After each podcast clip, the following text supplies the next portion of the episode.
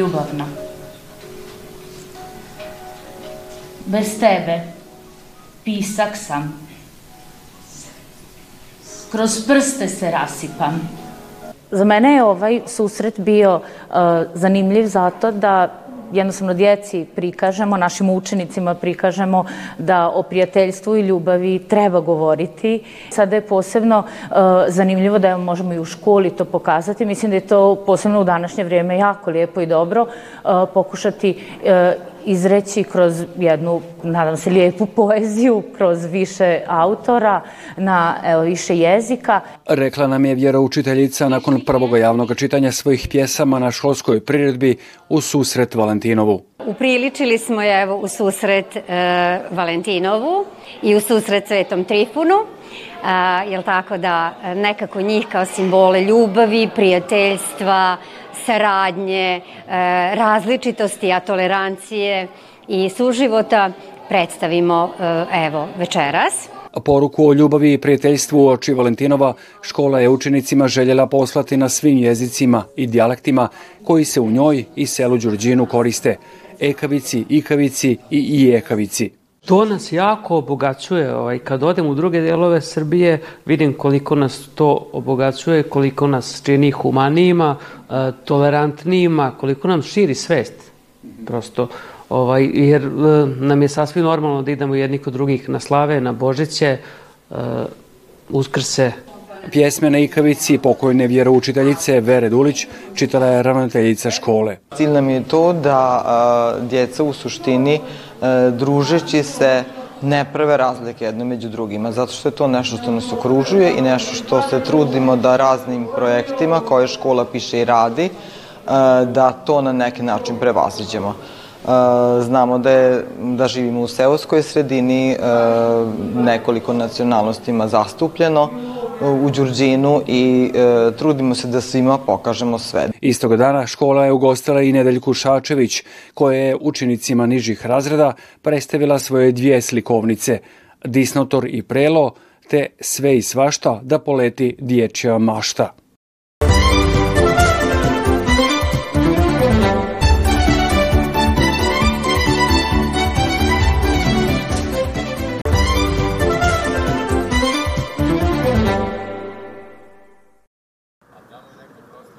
Objava i formalna promjena uprave Srijemske biskupije dogodila se u biskupijskom ordinarijatu u Srijemskoj Mitrovici. Tom prigodom biskupi su uputili zahvale na dosadašnjoj kao i budućoj suradnji i podršci. Taj sam događaj je na neki način formalizacija onoga što se dogodilo prije dvije godine za vrijeme moga biskupskog rečenja, jer je i moja titula bila biskup koadjutor s posebnim ovlastima Dakle, imao sam direktnu ili neposrednu upravu kao i svaki drugi djecezanski biskup. Ovdje sad samo izmjenje naslov i u formalnom smislu postajem djecezanski biskup. I htio bih reći u ovom trenutku i riječi zahvale Sarašnjem biskupu, prvom biskupu Srijemske biskupije nakon ponovnog osamostaljenja, monsenjoru Gašparoviću za sve one stvari koje učinio u proteklom razdoblju. Znamo da to nisu bila jednostavna vremena, da su bila turbulentna bremenita postratna vremena kada je trebalo to raspršeno stado na neki način okupiti, sačuvati i povesti ih u nova razdoblja. Pred nama su novi izazovi, nove prilike, nove okolnosti. Nastojat ćemo uz, evo, ja se duboko nadam, moćni zagor naših e, svetih srijemskih mučenika, naposle svetoga Dimitrija i zagor Blažene djevice Marije Gospe Tekijske, doći do dobrih rješenja i dobrih odgovora na izazove koji su pred nama. evo, još uvijek e, želim reći hvala bivšem biskupu, hvala svetome oci Papi Franji na ovom ponovnom povjerenju koje mi je iskazao, a i zamoliti evo, pomoć i zagovor cijelog vjernog naroda da nas prati u ovim našim koracima koje su ispred nas. Što se meni od sad za vjernike Sremske biskupije i što se meni za vas osobno?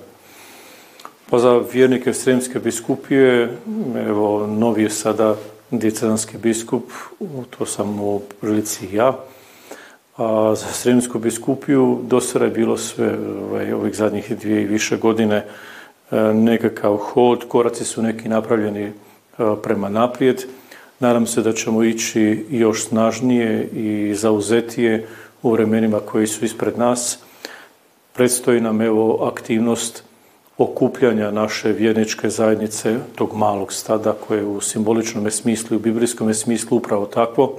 Mi e, želimo i dalje ovdje živjeti, egzistirati i biti e, kvasac ovom društvu u kojem živimo.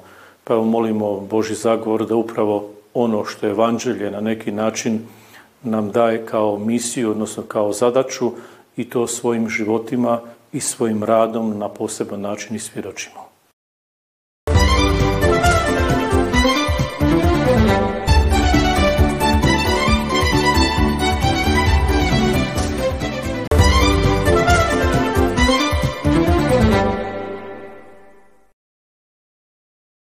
U sve muke koje ratare prate, ove zime oni golemu bitku vode i sa glodavcima koji prave ogromne štete na usjevima. Kako doznajemo od stručnjaka, jedan od glodavaca koji pravi najviše problema je poljski miš. Aktivan je tijekom cijele godine, a u jednogodišnjem periodu razmnožava se od dva do četiri puta. Ono što je bila glavna tema među poljoprivrednicima ove jeseni i zime i ono što je obeležilo ovu proizvodnju jeste veliki napad poljskih glodara. E, imamo parcele koje su i četiri puta morale da budu tretirane, ne bi se suzbili godare.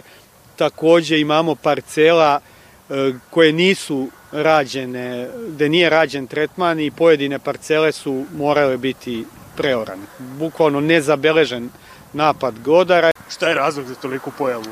Teško je reći, e, imali smo otprilike svake druge, treće godine desi se ta velika brojnost, ali ovako velika brojnost e, nije zabeležena. Svakako da u prirodi e, nešto im je pogodovalo njihovom razvoju, e, smanjio se verovatno broj tih njihovih predatora koji ih uništavaju. Bilo je na ovom našem terenu u toku leta jedna velika oluja koja je doprinela tome da je dosta E, kukuruza oboreno, suncokreta oboreno na zemljištu, dosta te hrane je ostalo nepokupljeno, to je svakako isto doprineo da su imali dosta hrane za svoj razvoj, tako da verovatno više tih faktora je uticalo na ovoliku njihovu brojnost. Morali smo da obiđemo jer imamo jako veliki napad glodara, baš onako što se kaže ima jako puno i mora se obići ovaj, pšenicu. Ko nije trovao taj nažalost ima jako puno problema da će morati čak i da preore ovaj, pšenicu. Kako bi uspjeli ostvariti dobar prinos, poljoprivrednici moraju raditi prihranu pšenice. Preporuka je da što veći broj proizvođača uradi te analize i posebno na onim parcelama koje su veće po površini. Tu se mogu napraviti značajne uštede i može se odrediti prava doza azota. Već u februaru će se krenuti sa prihranom pšenice i bitno je prihranu završiti do početka faze vlatanja a to je negde obično kalendarski u ovom našem području krajem marta. E, ukoliko se daje neka veća količina azota, dobro bi bilo to podeliti u dva puta i u prvoj prihrani dati neku udarnu dozu, a kasnije korigovati sa nekom manjom dozom. Zašto je ta prihrana važna za pšenicu? Azot je nosilac i prinosa i kvaliteta i bez dovoljnih količina azota ne može se očekivati odgovarajući prinos, tako to znaju već poljoprivredni proizvođači i e, poklanjaju dužnu pažnju pri hranjivanju pšenice. Ono što je preporuka stručnjaka je da ratari redovito obilaze svoje parcele.